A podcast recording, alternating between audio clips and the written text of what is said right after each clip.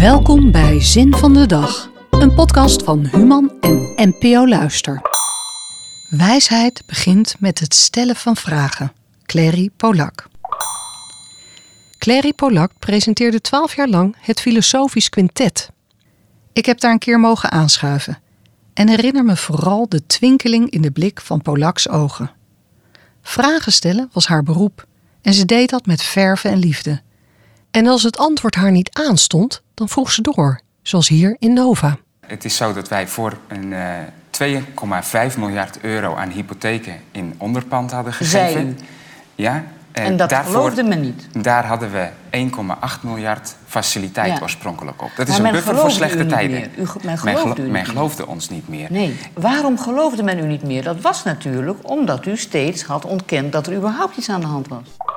Er zijn denkers, zoals de Franse socioloog Pierre Bourdieu, die beweren dat televisie en filosoferen niet goed samengaan. Hij droeg in 1996 zijn essay Sur la télévision live voor en stelde gedurende bijna 50 minuten op televisie vast dat televisie niet een geschikt medium was voor denken. Televisie is een medium dat zich richt op snelheid, urgentie en scoops. Televisie is daarom vooral geschikt voor snelle denkers.